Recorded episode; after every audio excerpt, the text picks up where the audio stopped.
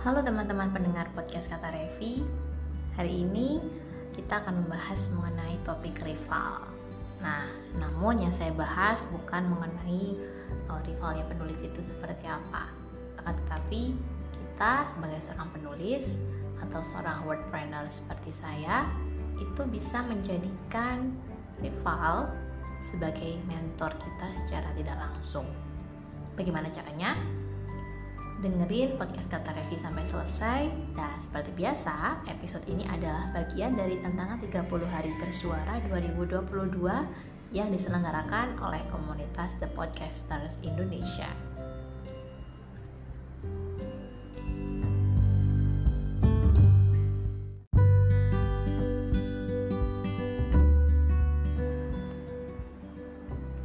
Dalam dunia kreatif, terutama dalam kepenulisan, yang namanya rival itu atau kompetitor lah ya itu pasti ada.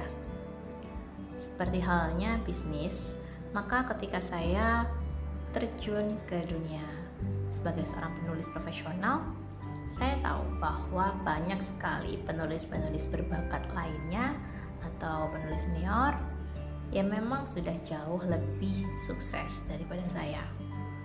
Mereka itu juga rival.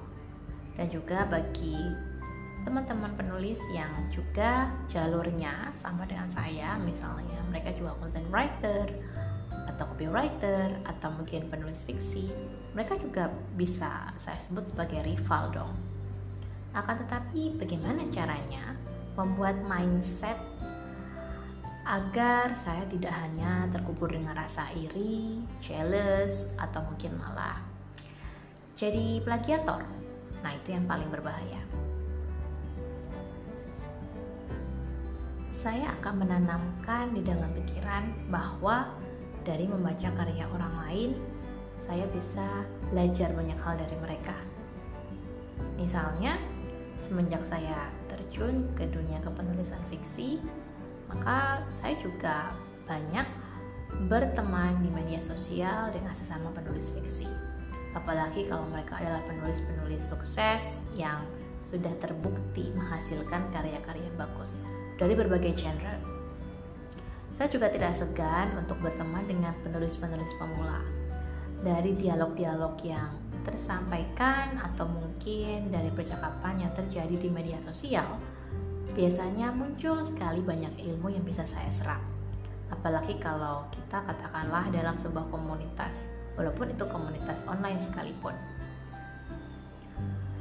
Selain itu, bagaimana sih caranya supaya bisa menjadikan rival itu sebagai mentor kita secara tidak langsung? Yang pertama, tentu saya akan membaca karya mereka. Bukan untuk membandingkan dengan karya saya sendiri, tapi saya akan mempelajari bagaimana sih caranya mereka menyusun kalimat dengan bagus, kemudian bagaimana cara mereka membangun personal branding, dan lain-lainnya. Saya akan mengamati dan kemudian saya juga memperhatikan pada kemampuan diri saya sendiri. Misalnya, ada yang memang suka promosi dengan membuat video di YouTube. Nah, kalau saya sendiri, saya merasa bahwa saya nggak punya waktu dan juga untuk belajar video editing itu lumayan juga ya uh, effort yang harus dikeluarkan.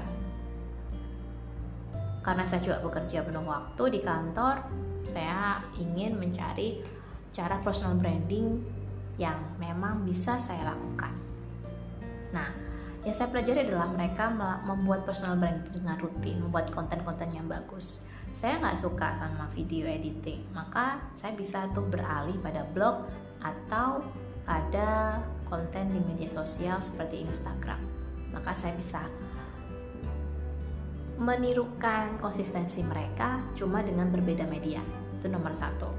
Yang kedua, saya juga bisa melihat bagaimana mereka membangun karir.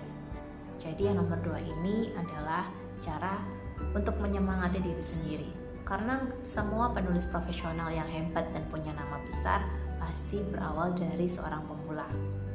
Saya akan melihat bagaimana mereka bercerita. Eh, kadang-kadang penulis itu suka sekali membagikan pengalaman-pengalaman mereka ketika membangun karir dan lain-lainnya. Itu yang paling penting ketika saya berteman dengan rekan sesama penulis. Atau berikutnya, di nomor tiga, kalian bisa mendapatkan informasi-informasi keren di dunia kepenulisan. Misalnya ada yang sudah sukses menjadi seorang copywriter, kalian bisa tuh mungkin bisa berguru langsung kepada mereka atau tanyakan buku dan sumber referensi apa saja yang, yang mereka gunakan untuk menjadi copywriter profesional. Jadi itu adalah hal-hal penting yang gak akan kita peroleh kalau nggak berteman dengan mereka, terutama di media sosial. Nah, yang namanya berteman kita juga harus memiliki simbiosis mutualisme.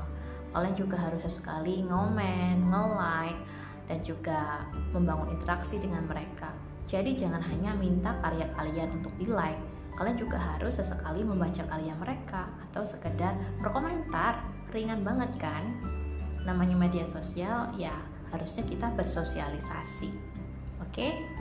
Nah, inilah beberapa cara supaya menjadikan rival itu sebagai mentor kita.